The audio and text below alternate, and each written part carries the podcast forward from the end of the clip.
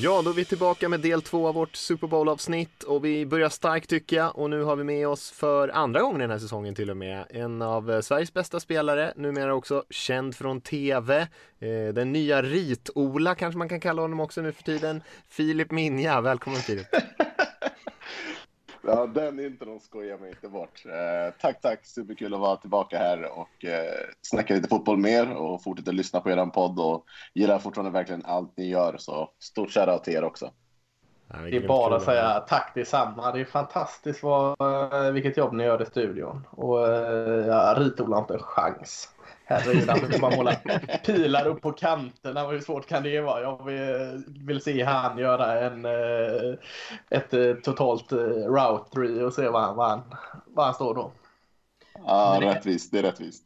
Det är det enda jag tog med mig från handbolls-VM. Jag kollade inte speciellt mycket, men jag såg att det var någon, eller ett gäng på Twitter som liksom så här, hur kan de vara så dåliga experter? Kan de inte kolla på NFL-studion hur de gör det? Hur de kan förklara för alla, oavsett om man är nybörjare eller proffs. Eh, det är ändå en hyllning tänkte jag.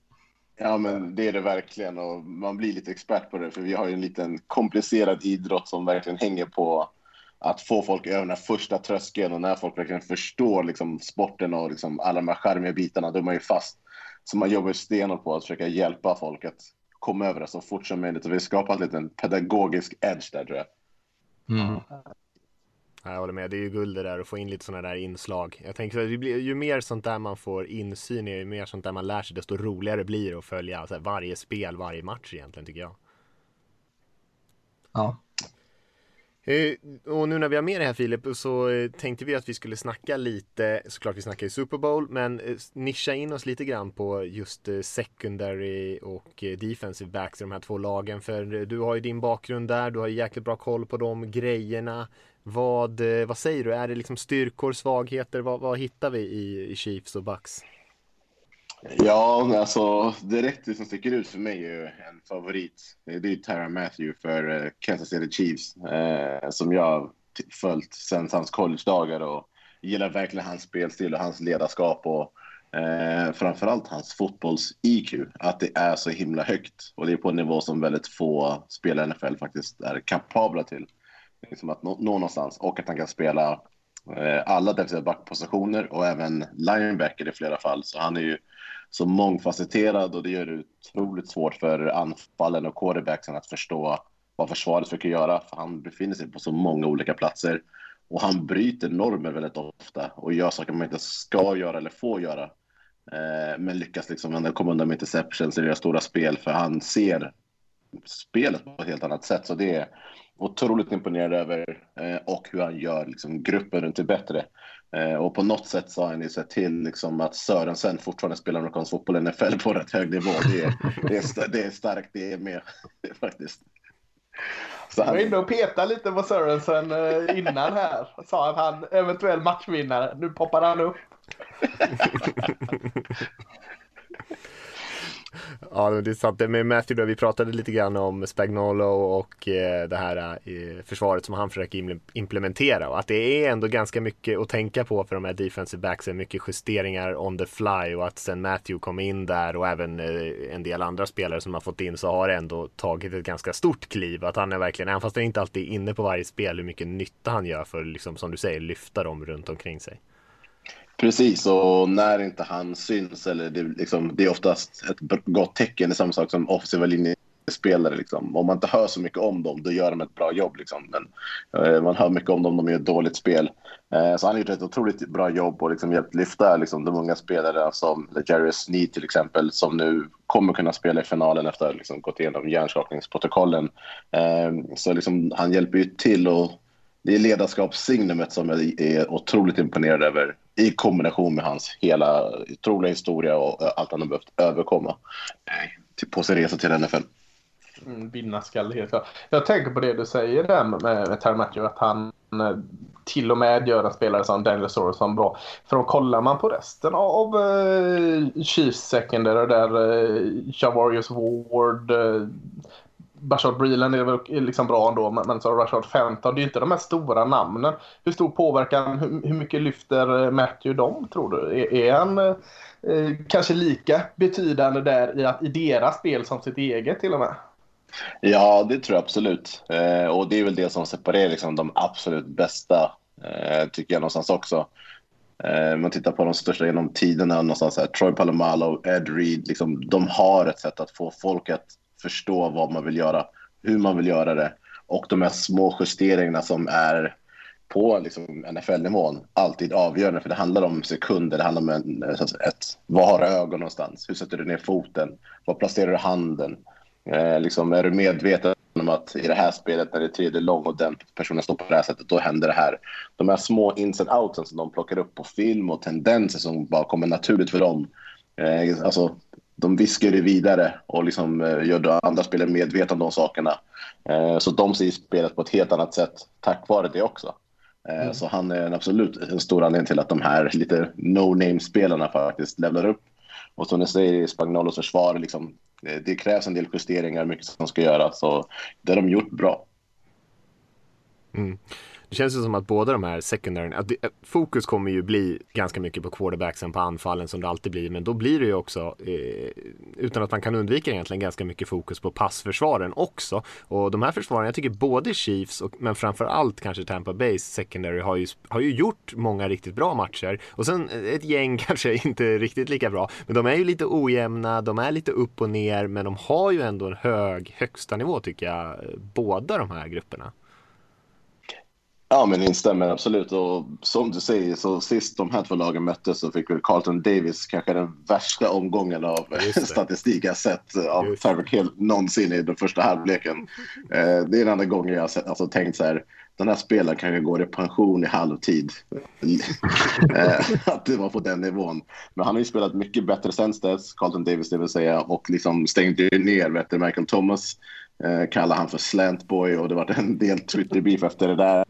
Så han har ju någonstans liksom axlat upp och liksom överlevt hela den resan. Så det ska han ha cred för. Men jag håller med som du säger att eh, det är det upp och ner. Men mycket för de här båda secondary när det kommer handla om scheme eh, och hålla sig sunda och liksom hamna i god position med på sina coacher tror jag också. Men sen i samspel med sina linebackers och där tycker jag att Tampa Bay har ett mycket bättre liksom, front i försvaret. Deras linebackers och deras defensiva linje gör det mycket lättare för de defensiva backarna. Eh, Quarterbacksen är oftast mycket mer stressade när de möter dem. Du, du får press på ett annat sätt. Eh, så det hjälper något enormt och som det ser ut nu så Winfield och Whitehead är ju tveksamma till spel. Eh, deras två starting safeties för Tampa. Eh, och har du två unga som ska komma in och eh, axa de rollerna så behöver du hjälp av de andra spelarna. Så det blir otroligt viktigt och kul att se hur de löser det. Ja, det är oerhört alltså. Just det här med att både Whitehead och eh, suveräna rookien som man ändå får säga, Antoine Winfield, kanske inte kommer till spel. För det är ju lite lockande att köra den här Eh, kanske inte exakt samma spelartyp men ska man vara enkel så är väl även Antoine, eller eh, Antoine Winfield också en form av strong safe. Det är precis som han i Badger där eh, har gjort det grymt bra, eller vad säger du?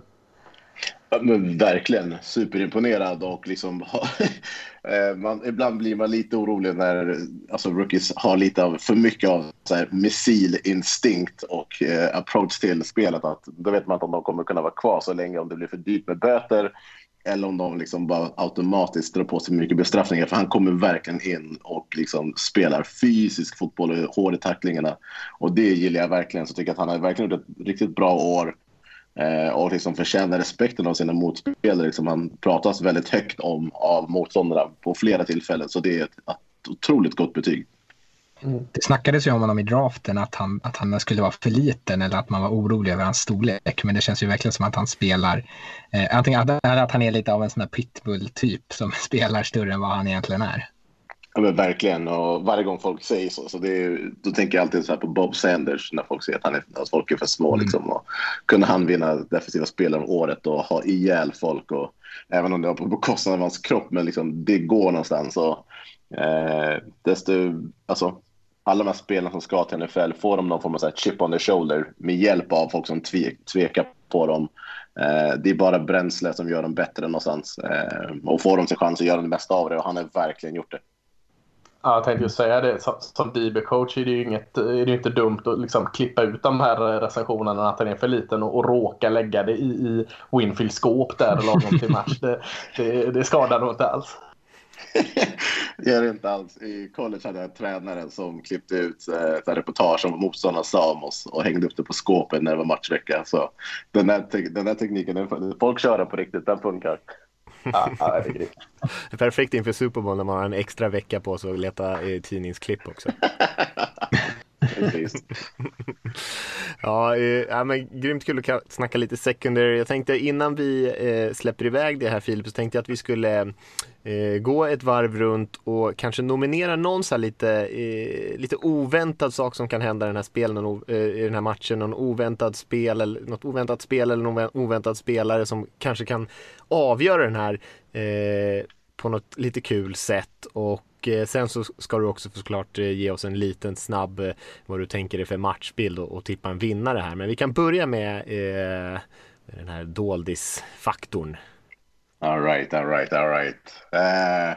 Ja, alltså det, för mig tror jag att det kommer vara eh, väldigt otippat för den personen är inte speciellt rörlig eller snabb och han är förmodligen äldst på plan. Men det är ju att eh, Tom Brady kanske bränner av en 15-20 yardare och springer in en lång touchdown på något sådär konstigt vänster. Att han kommer med sina ben ha en otroligt stort spel någonstans längs vägen och kanske tippa matchen i deras favör faktiskt.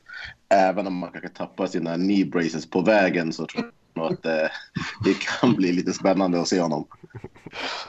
Jag ser ju redan bilden framför mig här. Jag tänker, gjorde inte Peyton Manning en sånt eh, spring-touchdown någon gång i en match? Och Jo, ser det var liksom- jätteroligt. Ja, är det slow motion eller är det i liksom realtid? Jag, kan se någon sån framför mig liksom, men, men eh, det funkar ju.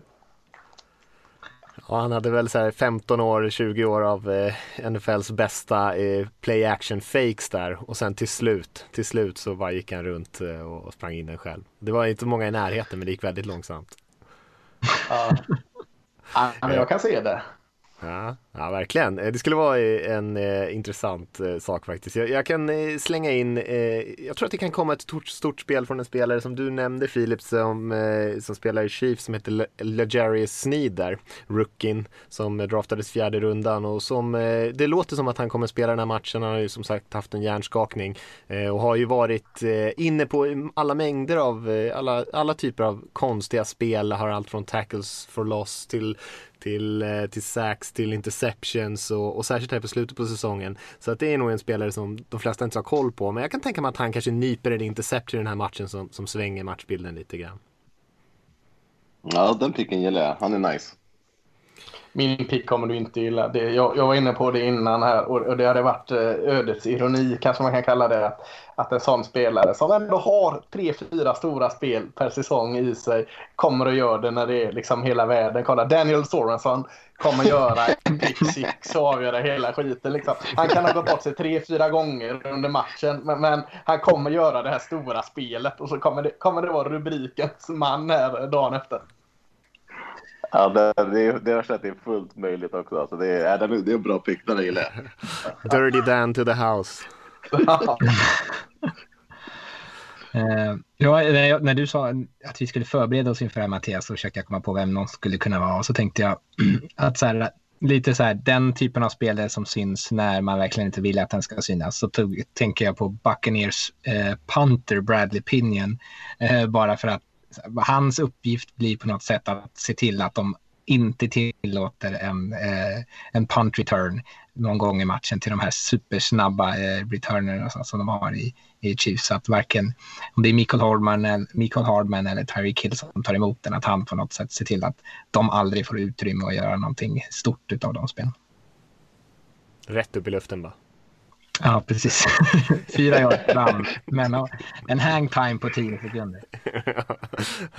ja, nej men det absolut. Om de nu ens ska punta. Det, det, undrar om man förlorat redan där. Kanske. Ja, ja.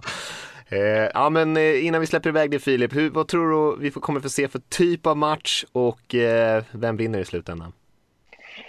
Ja, alltså det kommer ju poäng kan vi någonstans ändå vara säkra på att det kommer bli den här matchen också, likt förra året.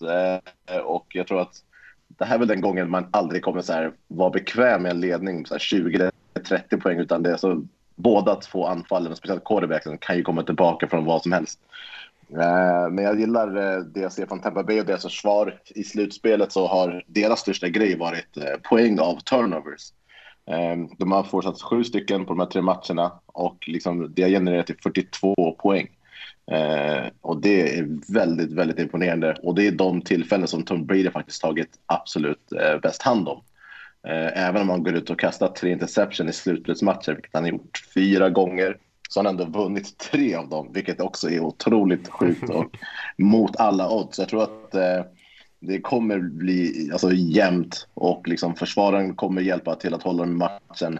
Även om jag tror att Kansas City är det starkare laget så tror jag att det finns ändå någonting i det Tom Brady-spöket som gör att det är deras tur. Alltså Tampa Bay har liksom gjort alla de här sakerna och de har inte spelat sin bästa match än. Eh, och jag vet inte hur Kansas, även om de är självsäkra och duktiga, hur de svarar på det vet jag inte riktigt. Så jag börjar luta mot Tampa Bay alltså. Spännande, spännande. Ja, det känns som att eh, det är många som är på Chiefs-sidan. Inte så många på Tampa Bay-sidan, men, eh, men det, jag håller med. Det är någonting som ligger och gnager där lite i bakhuvudet att det är faktiskt Tom Brady som spelar i det här Tampa Bay-laget. Han har gjort det förr. Ja, men verkligen. Och alldeles för många gånger. Eh, och det ska ju bli svårare och svårare, liksom, för det finns mer och mer film på honom. Och, eh, han har gått mot Spagnolo ett antal gånger nu, så liksom, han känner den, deras defensiva koordinator bättre än kanske vissa spelarna gör som spelar för honom. Eh, så det blir ju, så det är så mycket som går in i det här, så det är, jag tror det blir en riktigt bra match i alla fall. Kul. Kul. Eh, och kul att du kom förbi och snackade lite med oss. Så får, eh, eh, hoppas ni har en eh, riktigt god uppladdning och en, en eh, härlig tid även fast ni sitter och sänder den här Superbowlen. ja då, tack så mycket. Och alltid kul att vara med och uppskattar verkligen det ni gör. Så tack så jättemycket.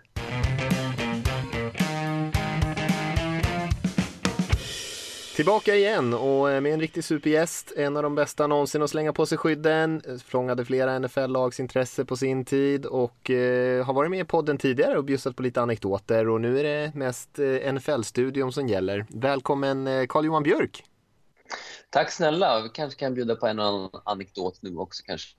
Ja, det är ju aldrig fel med en anekdot. Mm. Sys inte på i podcasten, men jag gruggar redan händerna här. Eller hur? ja, Lasse sa det innan vi började spela in här att ni börjar få en riktigt härligt gäng där i, i eh, studion på Viaplay. Ja, men det, det, det, är ett härligt gäng, det är det verkligen. Alla har ju sina liksom, specialiteter och, och, sina specifika personlighetsdrag så att det blir en härlig blandning. Så att det, ingen är en andra, andra lik. Um, och oftast har man ju oftast olika vy att se på det. Uh, så det det, nej, men det, det, det känns som en härlig grupp. Jag gillar dem allihopa. Mm. Hur, har, eh, hur har året i studion varit?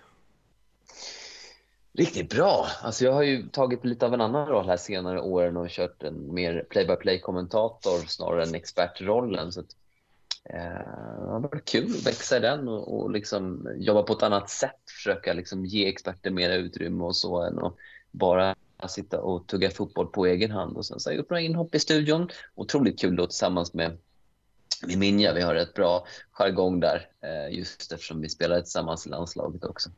Eh, sen så är det ju förbaskat kul att kommentera med Björkman också, Strauss också givetvis. Och jag och Dahlborn känner ju varandra sedan länge. Så att, men det, det känns som att det varit en riktigt rolig säsong. Eh, mycket som har hänt och framförallt jäkligt kul att det blev en säsong med tanke med, med hela corona eh, vändan här nu. Att eh, man höll ju tummarna att det skulle bli av i alla fall just för att det är kul att fokusera på någonting annat. Oh, herregud, ja vi har pratat om det här också att det är i alla fall jag har, har känt att det varit en jäkla tur att den här NFL-säsongen kom igång mm. med tanke på hur mycket seg annan skit eh, som det här året har bjussat på så har det ju varit gött att ha det ändå. Verkligen är det varit eh, en skön avlastning.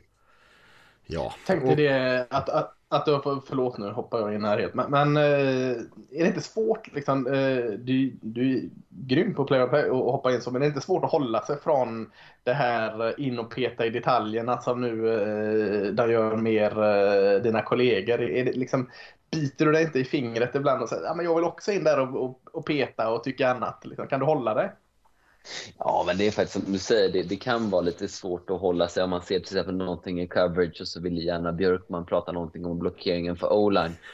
blir det lite så att nej, men nu kan vi väl ändå backa tillbaka bandet här och så prata om. Vi ser ju linebacken där, safety gör det ju jättefint. Du måste ju prata om hur han gömmer coveraget där. Liksom. Eh, men det får man ju inte göra, så det är ju bara knipa och, och liksom vara nöjd och gå vidare till nästa spel. Eh, så att, eh, men nej, det, det, det, det, är en utmaning, men det, det, det är roligt. Det är en helt annan sätt att uh, kommentera matchen på. Ja, vi lovar vi ska inte prata om några offensiva linjer med som blockerar här idag. Du ska få helt köra linebacker och, och Tack snälla. all in. Tack. tack. Ja exakt, ja, som Lasse säger, vi ska ju snacka Super Bowl idag såklart med dig och eh, vi tänkte att vi skulle fokusera lite på, på linebackergruppen i första hand och kanske framförallt också vilka utmaningar de har framför sig. Men vad, vad säger du om eh, linebackergänget som spelar den här matchen? Är det, är det något, är det tummen upp, tummen ner eller mitt mittemellan? Nej men det är absolut tummen upp tycker jag. Jag tycker att också att eh, båda försvaren har kommit upp så rätt rejält. Alltså, eh, Buccaneers defense var ju bra eh, även tidigare år, eh, fast med en annan quarterback och en annan coach. Eh, men har väl snäppt upp sig ett par snäpp nu också. Men sen så blir det ju så, desto djupare de går i slutspelet så blir det ju vassare fotboll. Men jag skulle säga de här två lagen emellan så det blir lite mer spännande att kolla på den här eh, inside linebackersarna Demi White och Lemonte eh, David. Och sen så, om man nu kan kalla eh, JPP och Shaquille Barrett linebackers, men eh, de får väl vara det, tänker jag. De, de, de, är listade som det. Men jag gillar den, den, den, eh, den truppen mera när det gäller linebackersidan.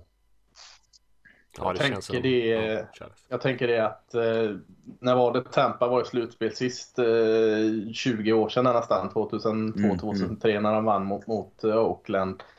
Eh, en av mina absoluta favoritlinebackers, eh, Derek Brooks, var ju, var ju med då. Eh, känns lite, kanske inte Devin Brooks-typen, men att de har de här två nu, Devin White och Lavonte David, de har den här linebacken som, som kanske mm. Derek Brooks var för, för den tiden, Buccaneers. Ja men verkligen och det var ju kanon defense. där Brooks var ju stommen där, spelade lite mer eh, outside linebacker just. Det var ju där Tampa 2 eh, egentligen fick sitt stora namn. fanns lite varianter på det sen innan och då var det ett klassiskt 4-3 försvar, men det här 3-4.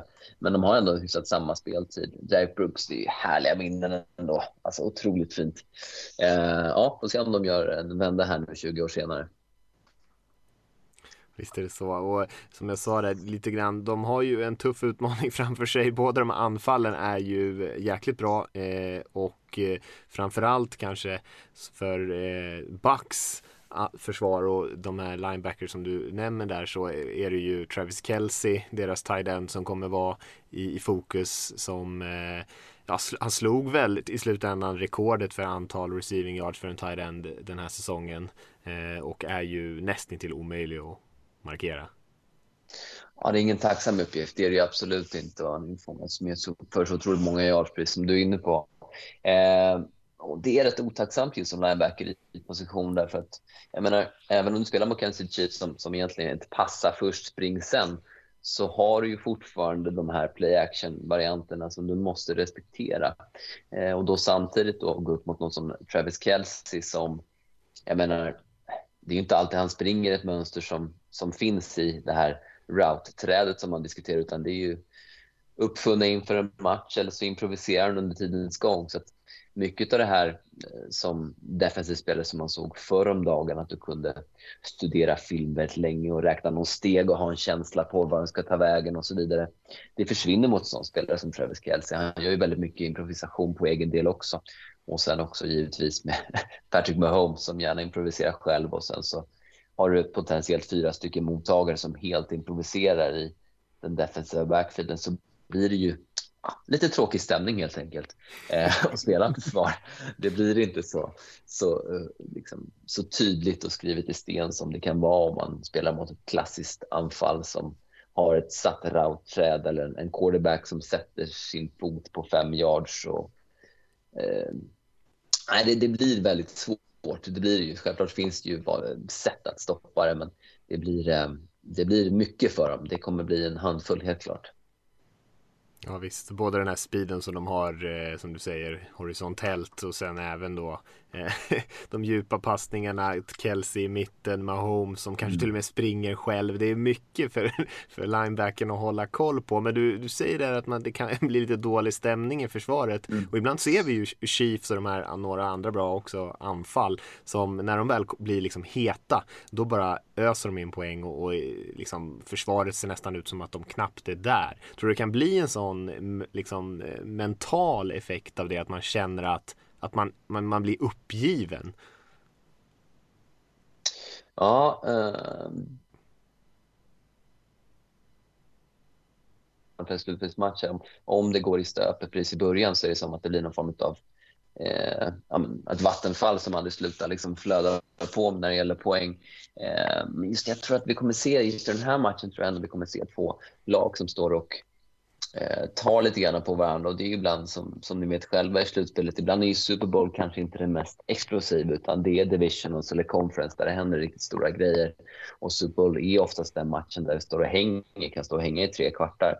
Eh, så jag tror inte riktigt vi kommer få se att det riktigt öppnar upp sig. Kanske framåt slutet av tredje kvarten för Chiefs då i sådana fall. Mm. Intressant. Mm. Jag tänkte på en annan sak eh, innan vi släpper Tampa Bays linebackers.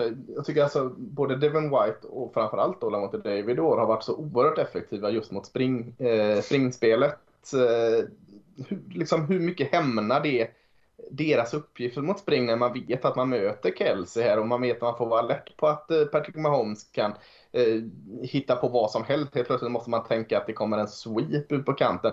Hur, mm hur, jag tror det är svårt att fatta folk hur svårt det är liksom att för eh, White och David här att eh, vara på alerten mot spring men hela tiden liksom ha det i eh, liksom bakhuvudet att ja, vi har en Kelsey som du säger som helt kan frångå eh, route-trädet eller att man måste ut på mm. kanterna. Hur svår är den jäkla omställningen? Alltså den är ju rätt svår också med tanke på om man tittar på vilka de mötte inför här. Alltså Eh, de mötte eh, ett Packers som är eh, lite mer förutsägbara. Det är ganska klassiska formationer. Visst, du möter Aaron Rodgers som är en av de absolut bästa quarterbacksen, men det är ändå ganska tydligt. Alltså, det var ändå ganska tydliga keys och, och så. Så det blir en väldig omställning, men samtidigt så är det så eftersom du möter ett lag som gärna passar först och springer sen så kan du ju vara lite långsammare på att kliva upp. Alltså om du vågar Eh, lita mm. på att de kommer passa och att du förutsätter lite grann att de kommer göra en play action. Att du inte är lika hård i din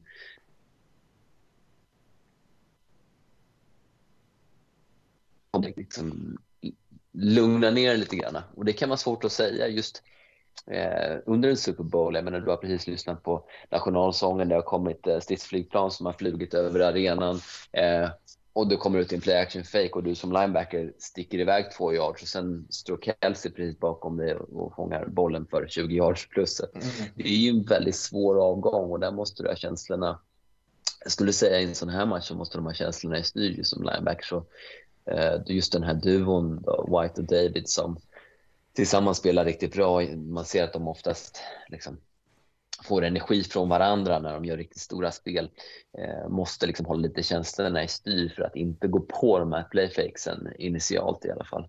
Eh, men det blir en svår avvägning. Framförallt så måste du ju verkligen eh, ha koll och det som har utvecklingen de senaste åren just med den här run pass option har ju verkligen varit en kniv i ryggen för stackars linebackers för att då visar ju o-line som är liksom den största nyckeln för en linebacker ifall det är spring eller pass, att det är spring fast det är pass. så det blir ju eh, så otroligt svårt och det är ju eh, eh Kansas City duktiga på också. Och det är extremt otacksamt eh, är det. Så det är eh, det är, just när du har så många vapen så blir det svårt. Så någonting måste man ju bikta. Eh, men som tur är man åtminstone 11 på, på försvaret så att eh, man får hjälpa varandra. Ja. Visst är det så. Och, eh, du var inne på det lite grann, för innan vi släpper iväg det här tänkte jag att du skulle få ge oss en liten sådär eh, tanke på vad du ser för match framför dig. Du sa där att du skulle kanske vara lite mer avvaktande, men sen också såklart eh, vilket lag kommer gå segrande ur den här bataljen. Ja, eh, alltså jag tror vi kommer få se eh, de två första kvartarna stå och känna på varandra lite grann. Gärna så alltså, vill man att det öppnar upp sig tidigt, man får den här spektakulära Super men jag tror inte vi kommer se det i början. Eh, inte från de här två headcoacherna. Jag tror Bruce Arians kommer vara lite mer eh, eh, återhållsam mot vad han tidigare har varit. Eh, och jag tror vi kommer få se en, en match som faktiskt går Tampa Bay Buccaneers lite mer i favör. Eh, Eh, just det att det kanske spelet eh, långsammas ner lite grann. Eh, och sen då tror jag att vi kommer att se att Buccaneers kanske leder i, i, i halvtid. Eh, den stora utmaningen blir ju som alla vet, man kan inte låta Kansas City Chiefs komma tillbaka i matchen.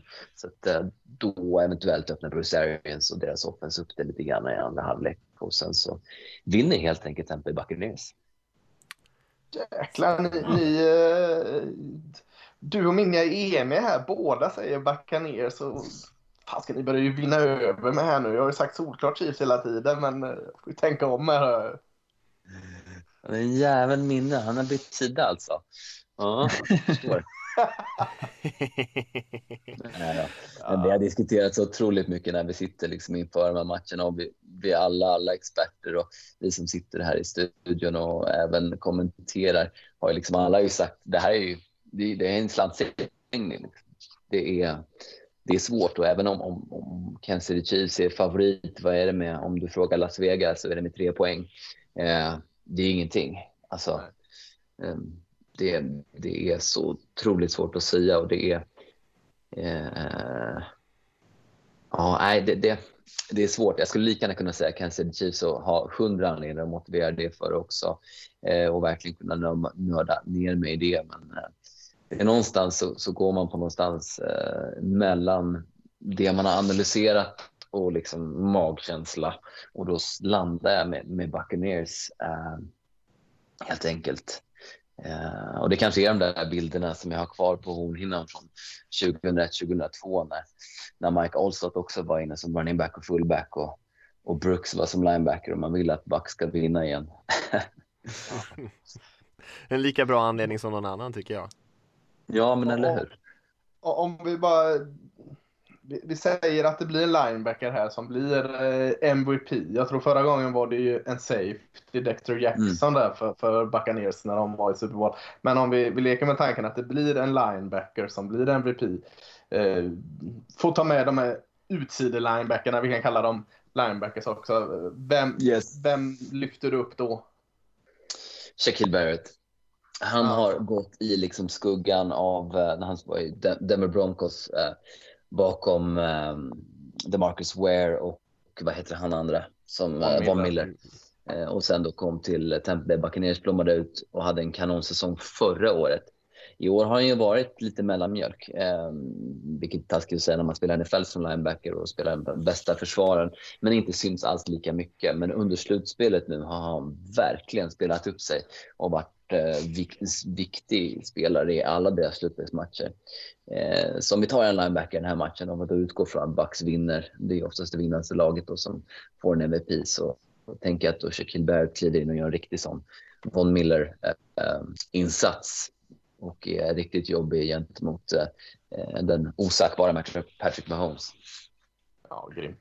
Han känns som en linebacker också som eh, liksom eh, frodas lite på sin egen framgång. Kommer det en sex så kommer det ofta två till. Ja, men precis. Han är verkligen som medgångsspelare. Att när han väl får, kommer igång så, så, så um, svårt att få stopp på honom. Ja, och Fisher är out där på left tackle så att han har ju sin chans Barrett här och, och, och briljera lite. Ja, helt klart. Det är um, eh, det kommer bli kul att se den där matchupen där mellan just den här stora interior också. Man liksom pratar om Dom Su Viraveja som, som är där i mitten. Intressant att se hur just Kansas City Chiefs skadedrabbade O-line faktiskt klarar av att nu kommer jag själv in på Olan där, märker ni det? du har blivit smittad, smittad av Björkman. Björkman, vet du. Ja, i alla fall se i alla fall hur de kan blocka de två i mitten. Där. De är ju två riktigt stadiga pjäser. Så det är många sådana här matcher i matchen som, som kommer att spännande att följa. Verkligen. Ja, det känns som en nyckel. Ja, eh, grymt kul att du kom förbi och snackade lite med oss Carl-Johan. Eh, och så eh, hoppas vi på en Tampa Bay-vinst för din skull. Ja, men tackar, tackar. Det var riktigt kul att få vara med. Ja, fantastiskt. Och, och för uh, sakens skull, ni går igång med studion en timme innan på söndag, va? Är det klockan 11 eller är det? 11.30? Så är det. Jag tror, jag tror att det är 11.30. Jag tror att det är 23.30 och så börjar uh, är väl kickoff halv ett har jag för mig. Brukar vara så. Uh, jag ska inte ta. Ja, det brukar vara så. Det är, inget får ändras, så att, så får det vara. ja, men grymt. Kul att du var med, Carl-Johan. Ah, tack själva, hörni.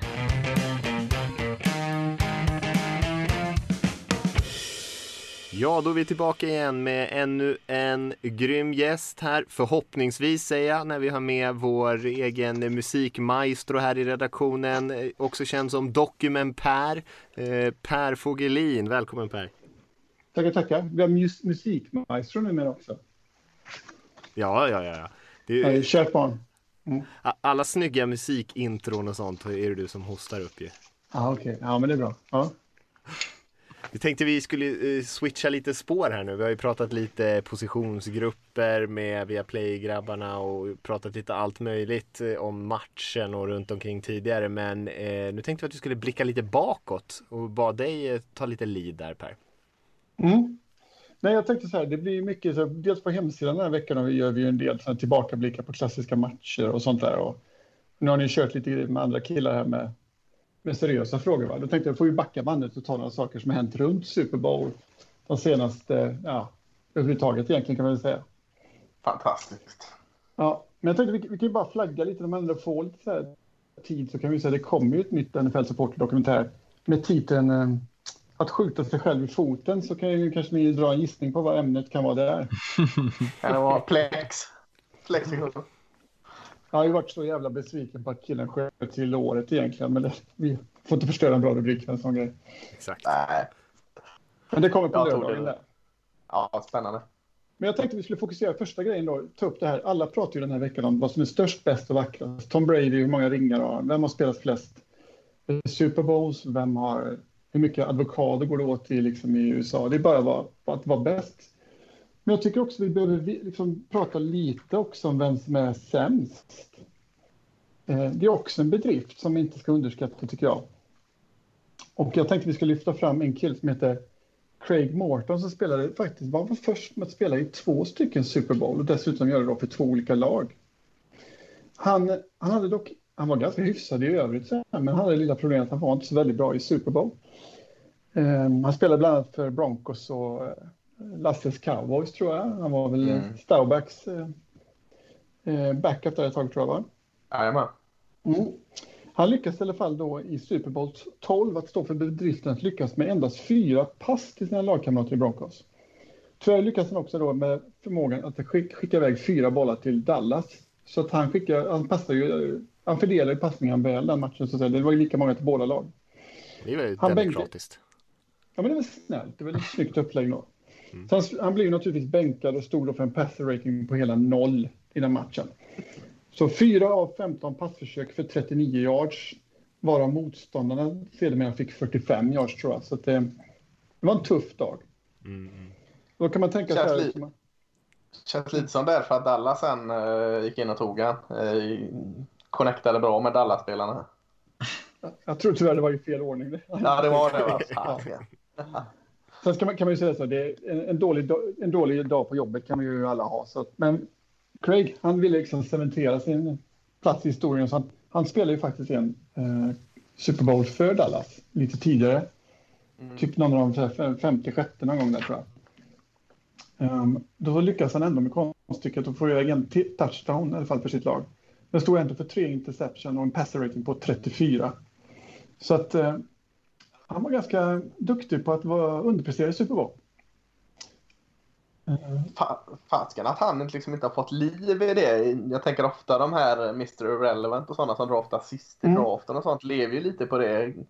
Att inte han får vara med på någon Super Bowl-reklam för avokado eller annat just för, för det här. Liksom, att han, han kan tjäna sin, sina backs på grund av att vara sämst. Ja, men precis. Det finns något att bygga kring. Ja. En fråga till redaktionen då, om vi ser så. Craig lyckas ju inte vinna just någon av de här matcherna, men vilken QB har sämst passer rating? Alltså vem var sämst i en Super Bowl enligt detta mått och ändå vann? Kan han? Hmm. Det är inte någon QB i de här två lagen eller? Eh, nej. Ah, Ja, jag vet inte, kan det, vi pratar ju om, eh, vi pratar om Brad Johnson. John senast.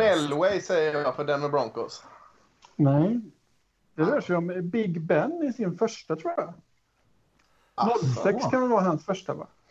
Ja, Mm. det kan det vara. 19 av 21 för 123 yards och 2 interceptions. Passer rating på 22,3. Aj, aj, aj. Ja. Men vinner man så kan man ju bortse från det. Det är ingen som minns det i efterhand. Exakt. Själva diskussionen är här, han har två ringar så han borde, kunna, han borde in i Hall of Fame bara därför. Känns ju som att den tappas då när den ena ringen vinns trots att han spelat sådär. Från en som dyrkar eh, Peyton Manning då, så ska vi ju inte gå in på liksom insatsen i Super Bowl utan det viktigaste är att man fick ringen tycker jag. Han fick ändå upp mycket garbage time yards har jag för mig var i den matchen. Eller var det i förlusten? Ja, det kanske inte var i den matchen. Näst på min lista är ju den lilla grejen. Jag, jag satt och funderade på om man kunde göra något på presidentvalet. Och det finns ju de som försöker förespå eh, att presidentvalet på något vis ska ha med Super Bowl att göra. Men det, det, det, är ju ganska, det går ganska dåligt. Den haltar rätt hyfsat den tesen. Däremot är det så att alla som vinner Super Bowl får ju faktiskt ett samtal från presidenten efteråt och inbjudan till Vita huset. Mm. Och dessutom så är en fakta som någon där ute gärna får rätta mig, men en president har aldrig bevistat en Super Bowl. Det måste ju vara fel. Så att om någon har hört något om det så hör av er gärna.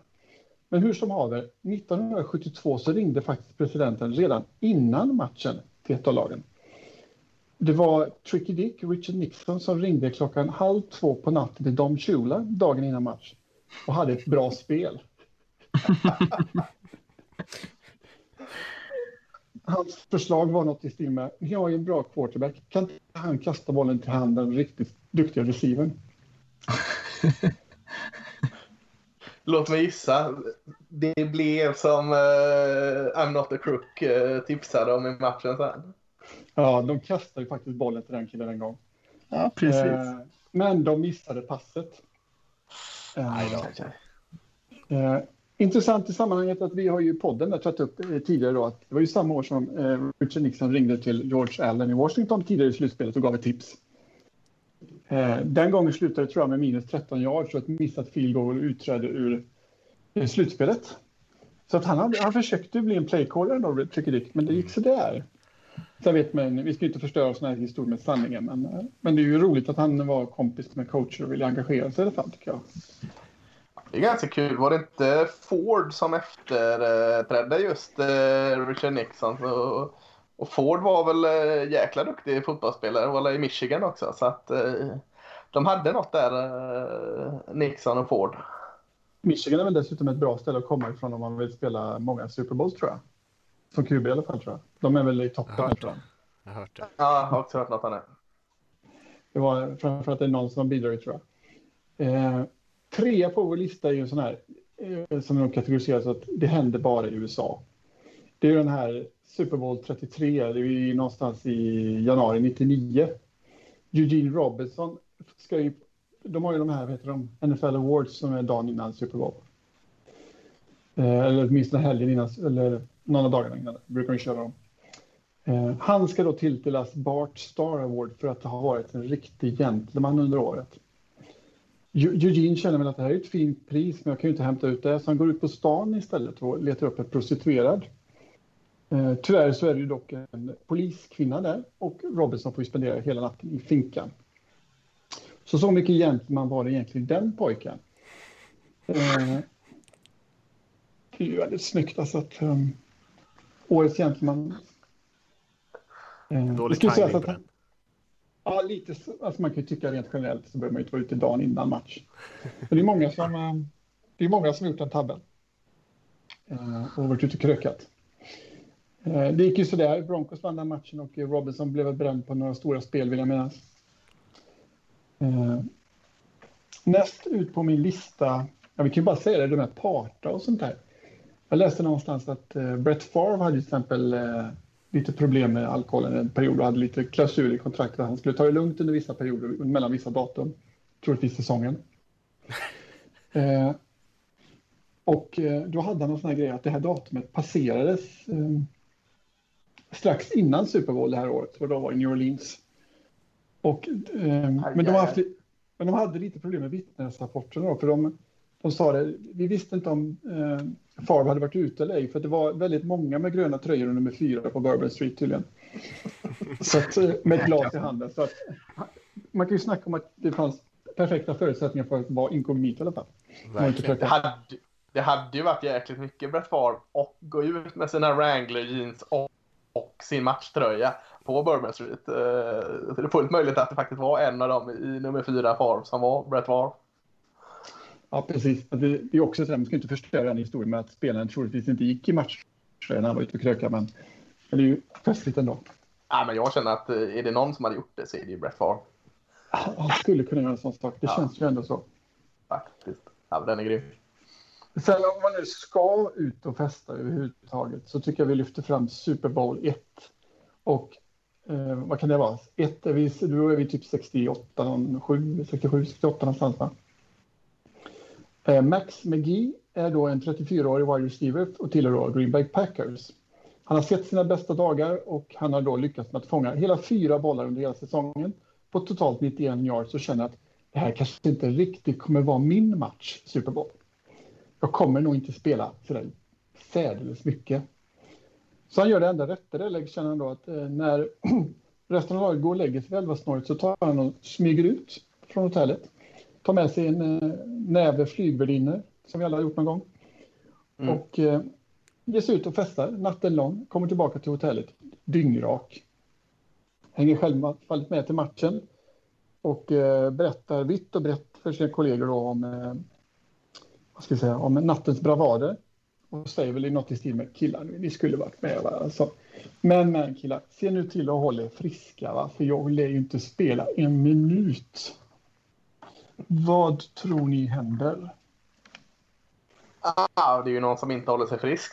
Annars hade det varit en, en Ja. eh, tveksam story. Dig lurar man inte, Lasse. På, pa på, Packers, på Packers andra drive blir då en lagkamrat skadad och McGee får alltså äntra planen. Han är i så dåligt skick att han har glömt sin hjälm till match då. Så han behöver ju låna en hjälm och, och släntra in på planen. Det tar bara några minuter så fångar han tydligen en enhandspass, eller en pass, han fångar en pass med en hand och liksom springer in en touchdown. Alltså det är ju Super Bowl, det är den första Super Bowl-touchdownen egentligen.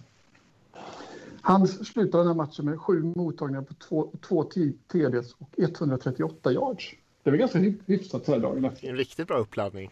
Ah, shit. Ja. 138 yards då också. Det är väl typ 340 yards nu eller något. Ser jag i mina anteckningar att han sprang förbi Fred Williamson. Det är väl han som har blivit skådespelare på äldre dagar. Ah, det är mer än han vad är väl med, The Hammer och sådär, eh, var väl med i de här Tarantino, vad heter de? De jagar vampyrer. Någonting. Alltså från Dusk to Dawn. Ja, precis. Ah, det kan stämma. Stor tuff kille. Du menar att det Ja, där var, alltså det där var första touchdownen i Super Bowl-historien var från Max McGee då menar du? Ja. Ja, Så det, ja, det är väl en, en kille som både kunde festa och spela boll. Sen verkar han inte ha presterat någon annan gång med Super Bowl, men det räcker ju ändå. det räcker ju. Ska man Jag prestera skulle kört den eh, approachen eh, lite oftare då. Liksom gått ut och eh, haft skoj med flygvärdinnor och sen eh, raka vägen till match. Kanske han hade varit eh, betydligt större stjärna. Mm. Onekligen. Eh, avslutningsvis, nummer fem, så är det en historia som ligger mig nära hjärtat. Eh, den var ju nog med även med när vi gjorde lite Super Bowl-special i- på Dockepodden där. Eh, men det är ju den här historien om Nipplegate, alltså det här när Janet Jackson och Timberlake och lite andra artister ska uppträda, uppträda 0, det är nog i januari, februari 04 då. Och eh, Timberlake rycker undan en lite klädesplagg och nu blottar hennes bröstvårta där mitt under det. Det kommer ni säkert ihåg pojkar va? Mm, mm. Mm. Starkt minne. Mm. Eh, jag dock var då i min linda vad gäller eh, amerikansk fotbollsintresse. Bröstvårta tänkte jag också säga. Ja. Eh, det är också, men vi kan väl lämna det därhän snälla. Eh, eh, det var en sån här jag skulle tänka nej jävlar, jag ska ta, jag ska ta banne mig och kolla på Super Bowl. Så det var någon av de första jag tittade på live tror jag. Eh, men det var ju så att jag tittade på den själv där i min lägenhet och eh, när det var paus gick jag ut i köket och läste en tidning och, liksom, och käkade lite och hade med. Jag var inte så jätteintresserad av den här, de som skulle uppträda. Så jag missade hela prylen, kom till skolan dagen på och droppade. Det tycker jag är lite tufft antagligen, vet att man ändå sett Super Bowl är ändå lite kaxigt så här. Så att, tycker man fräckt att sitta upp hela natten och dricka öl. Ensam behöver man inte nämna för klasskamrat. Eh, alla andra började prata liksom om det som hände, men inte matchen då, utan den här incidenten. Och, eh, och jag var ju tydligen inte ensam om att missat detta helt, utan det var en kille som hette Javid Karim. Hade också missat detta och började leta runt dagen efter. Eh, han var då amerikan och försökte få nyhets, liksom, på nyhetssändningar och dylikt. Men det här var ju så brännhet stoff. Liksom, att man får inte visa bröstvårta på bästa sändning till USA. Alltså, ingen kanal vågade ju reprisera detta på något sätt. För då riskerar man böter från liksom, tillsynsmyndigheterna borta. Karim eh, tyckte det här var lite dumt och kände väl att fast det här borde måste ju finnas någonstans. Så han snackade ihop sig då och eh, skapade Youtube ihop med några kamrater. Så att vi har ju helt enkelt tackat Super Bowl för att vi idag har Youtube. Så ett år efter den här incidenten, nästan på dagen, så startar de upp den sajten. Det tycker jag är rätt skön historia. Jaha, coolt. Ja, fasiken grym backstory. Verkligen. Bara för att vi kollar på Janet Jacksons bröstvårta alltså. Därför Han, finns han vill ju se lite tutter, rent ut sagt då. mm. Ligger den kvar på Youtube då? Den, det hade varit så att de hade censurerat sig själva nu när de är så stora att inte de visar den. Men det vore ju ironiskt om de har en så här suddad bild. Ja. Men det kan man ge sig katten på. Det väl Google, var det Google som köpte dem till slut eller? Alltså Så, var det säkert. Ja. Det är ju inte, Ja, de, det här tre, det är inte de här tre pojkarnas ägor som startade från början tror jag i alla fall. Att, eh, Men de klarar Men sig var hyfsat det ändå inte- kanske. Ja, var det De- inte efter den eh, att de eh, la halvtidsshowen med en viss fördröjning ut i tv? Att de skulle kunna blurra live så att säga.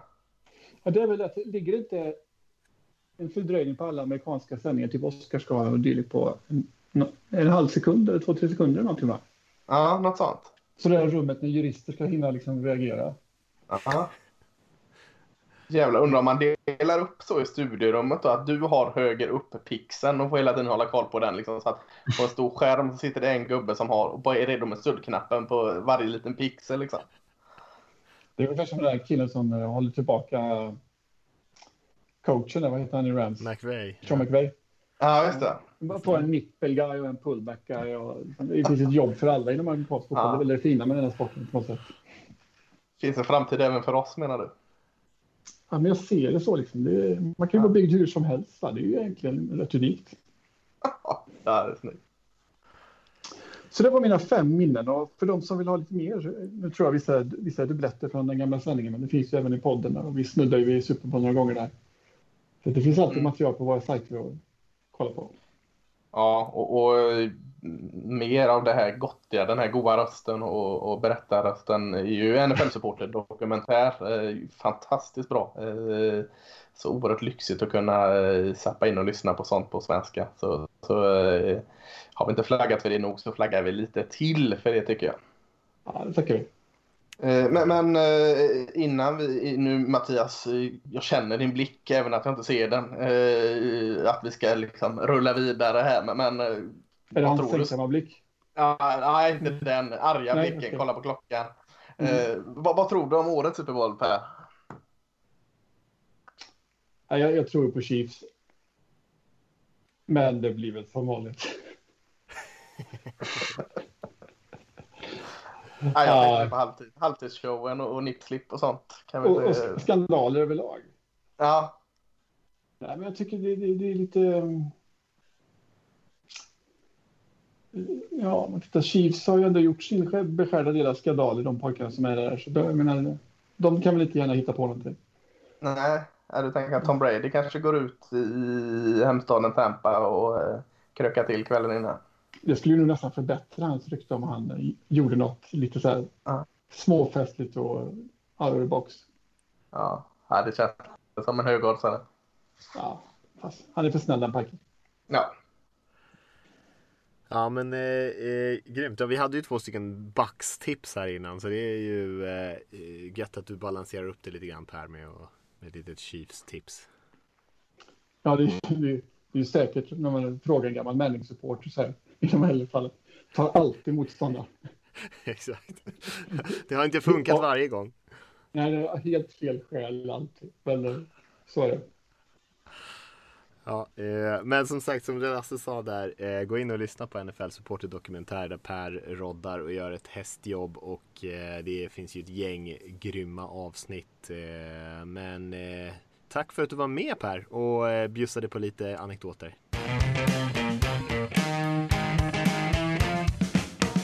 Tillbaka i nutiden när vi får in vår fjärde gäst för dagen. Mannen som har hållit oss flytande på NFL-supporter när alla andra har förslappat sig och bara orkar prata och inte orkar skriva något. Svante Jakobsen, välkommen till podden. Tack så mycket, tack så mycket. Vilken presentation här. Ja, men oerhört bra artiklar alltså. Det eh, har vi blivit bortskämda med. Så att, eh, bränn inte allt krut här nu, för du ska ju lägga upp mer artiklar eh, inför Super Bowl va? Ja, så det stämmer. Eh, jag mm. ger ett liten, eh, liten försmak här bara, så sparar mm. jag några godbitar. Ja, bra. Smart, en liten teaser. Första gången i podden Svante för dig va? Ja, det stämmer. Kul, Kul. att vara med i ett litet uh, muntligt forum här för en gångs skull också. Ja men det är, det är kul att du är med. Det känns som att vi, vi borde ha fått till det för länge sedan men eh, om man ska premiära någon gång så kan man ju premiära inför Super Bowlen då. Ja, mycket bättre än så blir det faktiskt inte. Nej, så är det.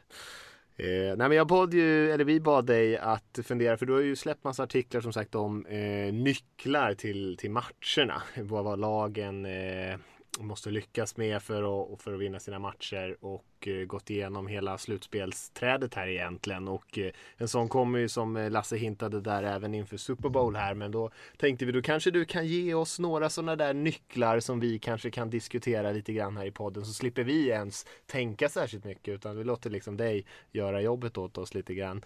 Eh, så att eh, du kan få kicka igång oss genom att kanske bara välja något lag och, och eh, nämna några av de grejerna som du tror kan avgöra den här matchen. Nej, men precis som du säger. Jag har ju skrivit om, om egentligen varenda slutspelsmatch här. Döpt det lite fint till mina fem framgångsfaktorer och det kör vi igen då inför Super Bowl. Och, vi kan väl bara hoppa in i det direkt. Jag tänker att vi kan börja med Buccaneers som ändå får spela som hemmalag här för första gången någonsin. Och jag, jag, jag tänker så här, det blir lite för tråkigt att välja både Tom Brady och Patrick Mahomes här, så jag har valt några andra, andra faktorer här. Jag börjar med Buccaneers pass rush som jag tror kommer vara kanske den största faktorn för dem i Super Bowl här. De stod ju för 5 6 och 8 eh, QB-hits mot Aaron Rodgers senast.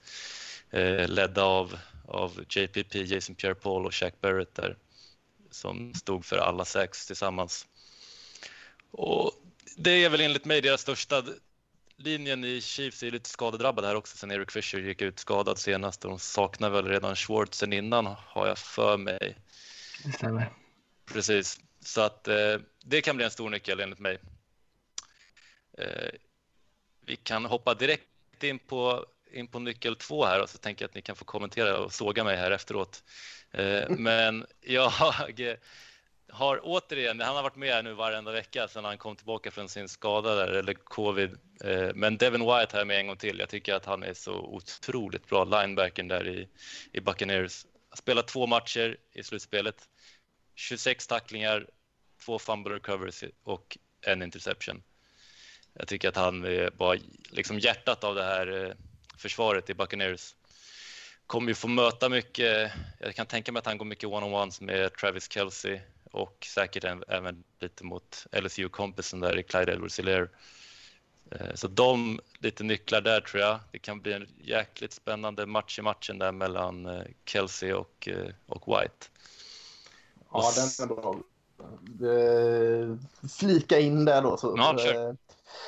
Var det Devin White, eh, Rickard eller Mattias? Vem av er som eh, var det som höll tillbaka mig här när jag eh, var nära att sätta på tok för högt betyg inför draften på Devin White? Jag blir alltid... Var det Mattias? Ursäkta mig. Jag blir alltid alldeles för, alldeles för glad i linebackers varje gång. Så att sätter jag sen 95 av 100 på betyg på alla linebackers så kan jag säga att de som presterar bra kan jag säga, vad var det jag sa? Och Devin White var ju en av alla de 95 jag har satt 95 på i betyg. Så eh, jag är väldigt nöjd där nu med det. Men jag får att någon av er, eh, Olsson så här, inte var så het på Devin White. Det Men han har ju haft en otrolig säsong här också. Jag tycker att han är, om det är någon som vi snackar liksom Pro Bowl snabbs och sånt så är det han tycker jag. Vad är det, 140 tacklingar och 9 sax som linebacker. Mm. Märkte ni vad tyst det var också när jag frågade vem av, det, av er det var? Längsta tystnaden i den här podcasten någonsin. Jag har alldeles för dåligt minne för att komma ihåg sånt där. Eh, Man ska Men, gräva så fort men om du, säger det. att, om du säger att det var jag så var det säkert jag. Du får ta den. Nummer tre, Svante. Ja, nummer tre, där, den har jag egentligen bara döpt här till No Risk It, No Biscuit. Eh, Mm. Den, eh, jag tycker att det, det för mig är det lite, det är både kul och lite, lite talande här kanske att är det, inte- är det inte ändå ligans mest, två mest aggressiva coacher här som spelar Super Bowl? I Bruce Arians och Andy Reid. Oh, det är det nog. Mm. Och det är väl lite talande tycker jag. Liksom när, när Bruce Arians går före med vad är det, några sekunder kvar inför halvtiden istället för att panta bort bollen och, och Andy Reid går för det på fjärde vid 50 yards linjen mot, eh, mot Cleveland Browns. Det, det säger något om de här två huvudtränarna. Och om det är något, något som, ja, kanske det man ändå ska göra mot Chiefs, det kanske är att ge dem lite av deras egna medicin och det är väl det Bruce Arians gör då. Ja, är det inte så här liksom livsfarligt eh, eller eh, eh, just de gångerna man har sagt på förhand nu kommer det bli en rolig upp Super Bowl. eh, Är det inte farligt att tro här nu? För varje gång man går in med de här förutsättningarna, nu har vi de två tokiga offensiva eh, no risk it no biscuit eh, coacherna här. Så kommer det bli en tillknäppt jäkla halvtrött historia. Jag har bara fått för mig att det är så. Eller att man Jo, det är väl så va? Var det inte så med Rams offensiv där när de la tre poäng mot Patriots? Ja, Mm. Mm, det är men jag hoppas ju verkligen fel. För förutsättningarna är ju fasiken grymma alltså. Jag, jag känner verkligen som Svante det du är inne på i första där med eh, pass rushen är en sån där sak som skulle kunna göra det Lasse, att det inte blir det där poängregnet man väntar sig att Chiefs offensiva linje kommer nog ha väldigt svårt att hålla eh, Mahomes liksom, eh, i lugn ficka. Han kommer att få springa runt lite som en galning. Sen brukar han kunna lösa det ändå. Eh, men det är inte omöjligt att en, en sån sak gör att matchen kommer liksom inte igång riktigt direkt i början. Mm. Ja, det är möjligt. Jag, jag bara ser, ser det inte som något negativt att Mahomes springer runt som en galning. Så länge Mahomes springer runt och inte hans eh, vad heter det, turf toe sabbar han helt så, Ja, så är det fortfarande Patrick Mahomes.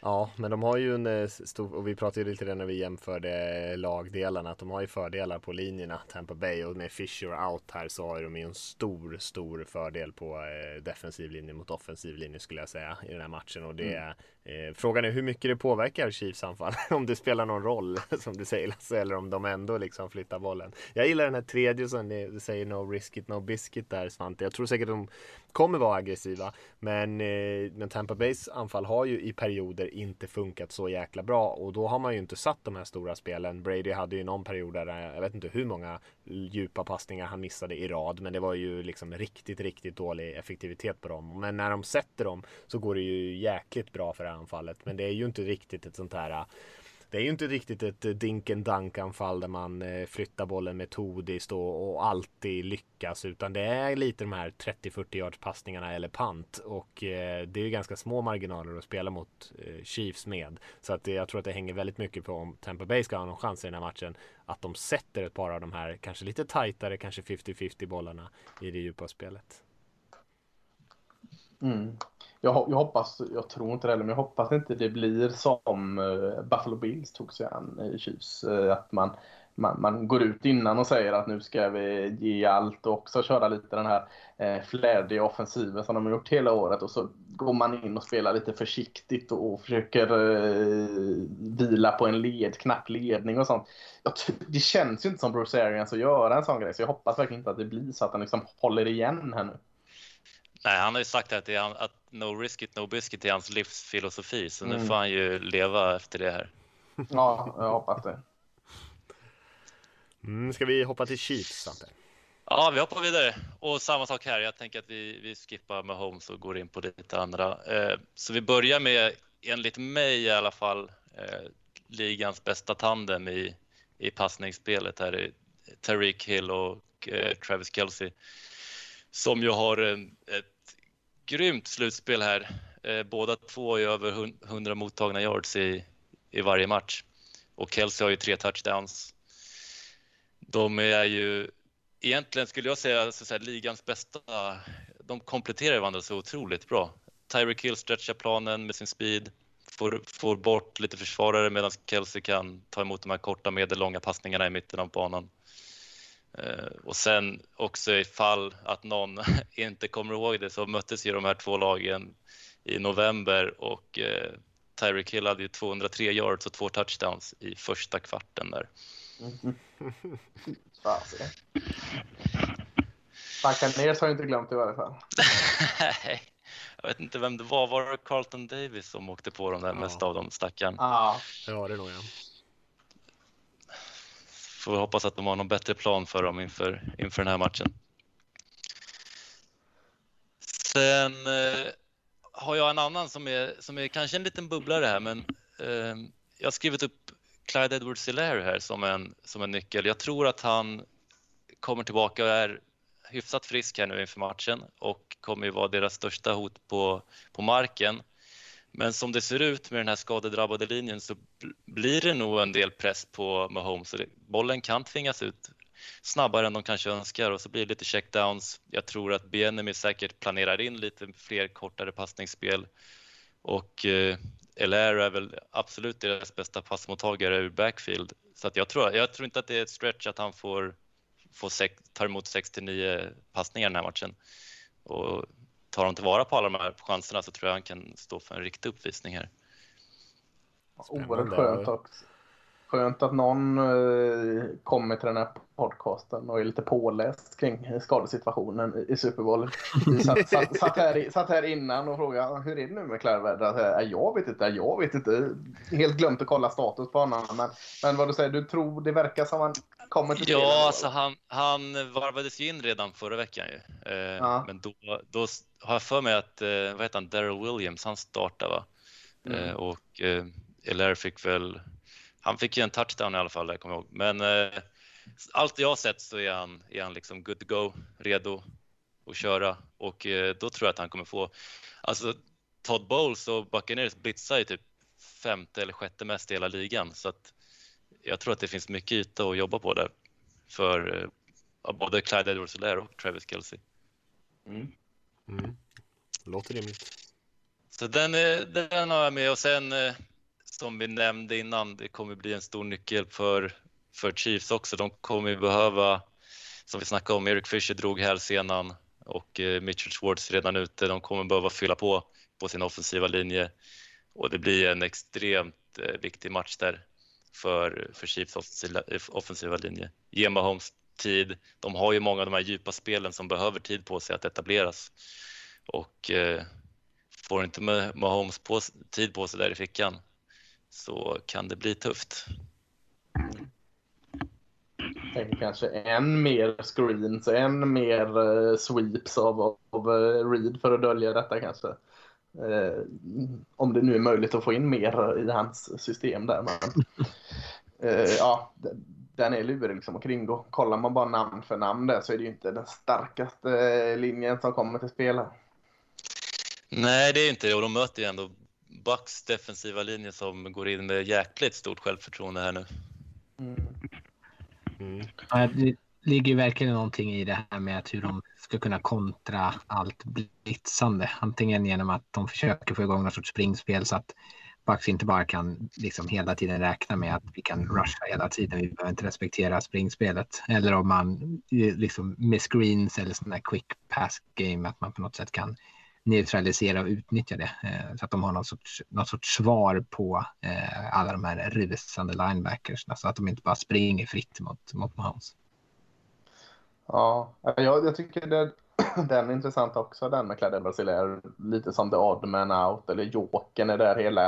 Eh, kan de få in honom som inte har varit så bärande eh, i slutspelet som han var långa stunder under grundserien så är det lite Eh, ja, Jokern i detta eh, som kan, kanske kan tippa fördelen till Chiefs ändå. Där. Så, så den iakttagelsen gillar jag. Ja, de har ju många playmakers i Chiefs och eh, det är lite svårt att veta vem som ska dyka upp i de här matcherna. Men, men som Svante är inne på det, jag kan ju tänka mig att Bucks inte gärna ser att Hill slår dem på ett liknande sätt som de gjorde, han gjorde förra gången. Även fast det inte blir kanske lika extremt, för det var ju eh, något av det värsta vi har sett. Men, eh, och då har ju många gissat att ja, men då blir det någon överreaktion där, försöker man ta bort Hill och sen så blir Kelsey den som avgör.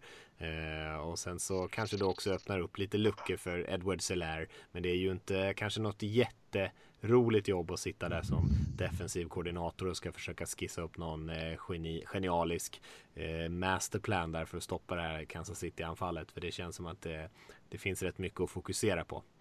Förutsatt mm. att de håller hyfsat under pressen då. Nej men verkligen, det finns ju mycket, mycket att leka med där i, i Chiefs offensiv. Det gör det. Var, Tänk, var... Tänker man någon ja. så lämnar man någon annan öppen liksom. Ja, precis. Med dina nycklar och, och, vad du har sett och, och tänkt och, och uh, lärt, vad, vad, vad, tror du om du får tippa matchen och uh, hur, kan det, hur kan det se ut? Men jag har väl ändå, nu när jag, ändå, jag har satt mig in lite här och jag känner ändå att det, jag kan inte betta mot Brady i en Super Bowl. Alltså, så jag säger 34-31 till Buccaneers här. Ja, det är en bra match ändå. 34-31, det kan jag acceptera. Ja, det är en bra match. Det, vi får hoppas på det. Jäklar vad vi svingar över till Tampa Bay Buccaneers fördel i den här podcasten. Alltså, det är 3-1 Tampa Bay nu av, av gästerna. Jaha, det är så alltså? Ja. All, alla vill vara lite så extra, inte ta det givna kanske. Ja, exakt. Ja, Ingen vill ta favoriten. Precis. ja, men det finns argument, så det finns väl argument åt alla håll, men eh, jag tycker det finns saker som talar för Tampa Bay, helt klart. Och du lyfter ju ett par av dem här tycker jag. Ja, men det tycker jag, som, som vi sa, många gånger så avgörs ju match, matcher på linjerna och jag tycker Buccaneers är bättre både på offensiva och defensiva linjen här. Ja, det är det verkligen. Ja, spännande. Eh, vi får hoppas på att det blir någonting i stil med din match där 34-30. Att oavsett vilket håll det blir åt så blir det en eh, riktig rysare i så fall. Och eh, som sagt, gå in och läs Svantes eh, artiklar och eh, kika på den här Super Bowl. Kanske kommer några, ytterligare några extra nycklar än de som du bjussade på idag. Men annars eh, så får vi tacka för att du var med Svante. Mm. Tack så hemskt mycket för att jag fick vara med.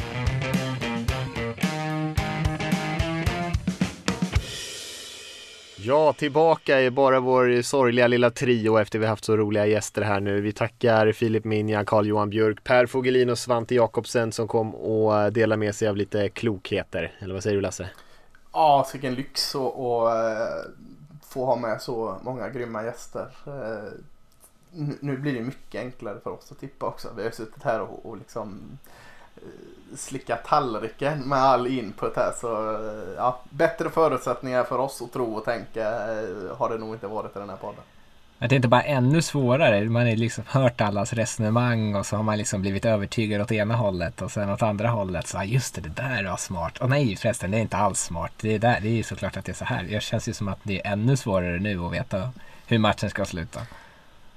Ja, eftersom eh, vi inte fick ha med Björk, eller vi inte hade med Björkman här så ska jag köra en, en eh, tio minuters monolog om Olan här och, och runda av med det. Det är ni helt ombord på va? vi bara går härifrån. Ingen säger till att inspelningen är över, jag bara får tjata. Något sånt. Eh, ja, men vi ska väl faktiskt gå in och kanske ge vår liten egen, eh, vår, våran egen lilla syn på den här matchen och kanske också tippa den som vi sa där. Eh, men det är ju, finns, är det någon gång det finns risk för överanalys så är det väl kanske i Super Bowl. Det är ju trots allt bara en match.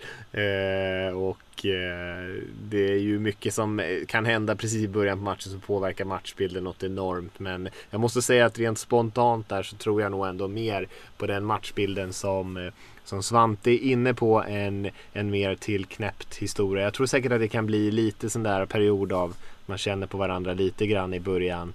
Eh, men jag tror att det släpper ganska tidigt. Jag tror det släpper innan första kvarten är över och sen tror jag faktiskt att det börjar bli lite poäng på tavlan. Det kanske inte blir en sån där eh, upp mot 30-40 poäng per lag men, men jag tror att vi kommer få se ett, eh, att det är anfallen som dominerar den här matchen i alla fall. Det tror jag i alla fall. Eh, ja, eh, vill, du, vill du säga vinnare redan nu eller? Det kan vi spara till sist tänker jag. Tar vi det sist. Ja, nej men jag håller nog med dig också där och, och har väl eh, plockat små russin ur kakan av, av det jag har hört här och, och eh, köper ju väldigt mycket av det alla säger är fördel Tampa Bay på linjerna. Det är det, du går inte att blunda för det. Eh, Tampa Bay kommer in i det här väldigt heta också. Jag minns tidigt, eller tidigare under säsongen, när man knappt kände att Tampa Bay var ett slutspelslag. Men de har ju toppat formen, de har hittat formen. Och eh, som någon av våra gäster sa, de har, känns lite som att de har sin bästa match kvar möjligtvis. Men jag har, samtidigt har jag så väldigt svårt just nu, och det är ju tråkigt att säga så, men Patrick Mahomes har inte visat några svaghetstecken på väldigt, väldigt länge. Han har spelat med en sargad linje innan. Eh, han kan liksom göra allting av ingenting och, och eh, jättesmalt och, och, och eh, oanalyserat tips liksom och, och, eh, säga att det ligger i Patrick Mahomes och, och tills jag sett annat så, så, tror jag på Patrick Mahomes. Men jag tror också att det blir en hel del poäng. Ja, jag är nog lite... Jag, jag tror att det kan bli tillknäppt efter en liten stund. Jag tror att Chiefs kommer börja sådär smack som de brukar göra. Jag tror att eh, Andy Reid har skissat upp en rätt kul första serie och till och med kanske andra serie. Eh, men sen tror jag det kan bli lite svårare att hålla vid liv eh, här, det här högoktaniga anfallet. För jag tror att det kommer problem med den offensiva linjen och, det, och eh, Bucks pass rush. Eh, så jag kan tänka mig att det kanske börjar eh, liksom fort och sen så dör det av lite sakta efter det. Um, Sen tror jag inte heller att det blir så här asmycket poäng. Men, jag, men det är mycket för att jag tror att båda de här lagen kommer respektera varandras anfall så pass mycket och varandras QBs. Att vi kommer nog se no, så här, någorlunda bollkontrollerande fotboll. Att det kommer kanske bli en del poäng per possession men att man kommer försöka att se till att motståndaren inte har bollen eh, alldeles, alldeles för många gånger. Mm. men eh, ja, jag, du säger att det är tråkigt att säga att Mahomes blir liksom den avgörande grejen. Alltså, och på något sätt kommer han ju vara det. Eh, och det här Chiefs-anfallet. Mm. Jag tror ändå att de kommer kunna skapa ett par riktigt stora spel. Eh, och Bucks kanske inte har sin, haft sin bästa match än så länge. Men Chiefs, nu spelar de för sig ruskigt bra mot Bills. Men jag tror att de kan rent åtminstone offensivt så tror jag de kan spela ännu bättre än vad de har gjort i år också. Så jag tror också de har en ännu högre högsta nivå än vad de har visat. Mm. Ja visst, och vi pratade om att, de, att Tampa Bay kommer i den här matchen med mycket självförtroende. Men samtidigt sa vi ju förra veckan tror jag att Chiefs har vunnit 25 av sina 26 senaste matcher eller något sånt där. Och eh, är ju i stort sett ostoppbara eller varit det under väldigt, väldigt lång tid här. Ehm, jag eh, säger så här att jag eh, har ju trott ganska mycket på Tampa Bay den här säsongen. Även när de har spelat lite sämre. Tippade ju faktiskt eh, Tampa Bay till Super Bowl inför säsongen. Eh, men jag tror att de eh, kommer torska den här matchen. Jag tror att den kommer bli jämnare än vad kanske många av dem som är, är stekheta på Chiefs eh, och jag, jag, förstår verkligen argumenten här med eh, som många av våra eh, backare lyfter eh, att eh, man är starkare på linjerna eh, och att man borde kunna ösa in lite poäng på det här Chiefs anfallet. Men eller Chiefs-försvaret. Men jag tror ändå att Kansas City Chiefs kommer vinna den här matchen och ta sin andra raka ring här. Eh, jag tror inte att Tampa Bays försvar kommer kunna stå emot i, i, eh, i, liksom i det långa loppet här. Och eh, om eh, Bucks ska spela så som de eller ska lyckas vinna den här matchen eller ge sig själva en chans att vinna den här matchen då måste de tror jag vara aggressiva, attackera med sitt djupa spel och och då tror jag också att de kommer kanske få någon turnover. Och jag tror att i, mot vissa lag kanske det funkar ganska bra när man har matchen någorlunda under kontroll. Eh, men mot det här Chiefs-laget då tror jag att det kommer bli väldigt, väldigt tufft om man spelar med den högrisken och får till några misstag till och med. Vilket jag tror man måste göra. Så jag tror ändå att i slutändan så kommer Kansas City att ta hem den här matchen just på grund av att deras anfall är eh, för bra. Och det som alla undrar nu, slutresultatet blir Mattias? Hmm, det har jag inte tänkt på. Nu måste jag komma på någon rimlig siffra också. Men jag, jag tyckte det Svante sa lät ganska bra fast omvänt. Men eh, jag ger det lite lägre. Jag säger kanske 31-28 till Kansas City då. Uff, vad bra nära vad jag hade suttit med min eh, skolmatte och tänkt medan du pratade. Eh, men, men, men eh, ja, jag, jag, tror också på Chiefs eh, som jag hintade om där precis. Som eh, Filip Minja var inne på här mm, pratar vi en hel del om eh, Terron Matthew, han är Badger där. Eh, oerhört eh, viktig fight som han har mot Tom Brady. Och eh, med Bruce Arians No Risk It No Biscuit spel eh, så kan nog eh, Terron Matthew slicka sig om läpparna här. Och frågan är om Tampa Bay kommer över tre interceptions som de gjorde tidigare i slutspelet. Eh, och jag ser fullt möjligt att det kan bli så. De kommer fortfarande ha en bra match med men det är inte lika lätt att skaka av sig tre interception här som det var innan. Och så att, eh, jag kan inte riktigt se att Mahomes slänger iväg tre interceptions den här matchen. Och eh, de som vinner turnover vinner matchen och jag tror Chiefs gör det. Så är 31-24 då till, till Chiefs i slutändan. Mm.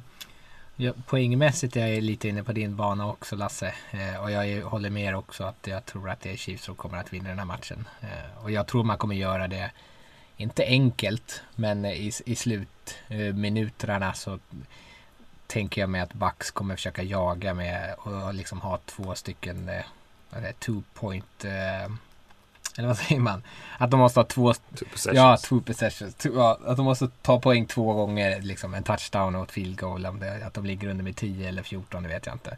Eh, jag tror att de kommer behöva jaga poäng i slutet av matchen och då så tror jag att Chiefs, eh, kanske inte så här asbehagligt, men lite lite småbekvämt kunde, kommer kunna ro hem det här. Antingen kanske är det med någon matchavgörande interception eller någonting. Eh, men jag tror att de kommer vinna. Jag kommer väga en del men jag tror att i tredje kvarten eller i början av fjärde att, att då kommer Chiefs springa iväg lite och så kommer Bucks inte kunna hänga med.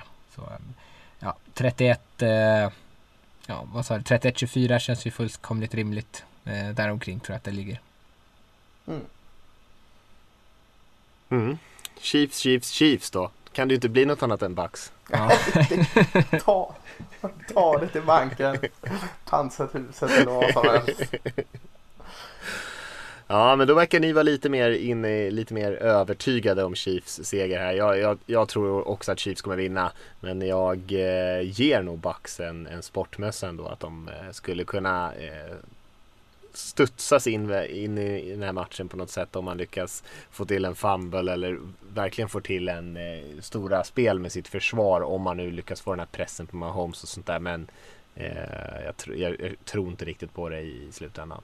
Nej, jag ger absolut Tampa chansen. Eh, så det är en jämn match. Eh, kan få se att Tampa vinner, men eh, ja, jag tror mer på Chiefs.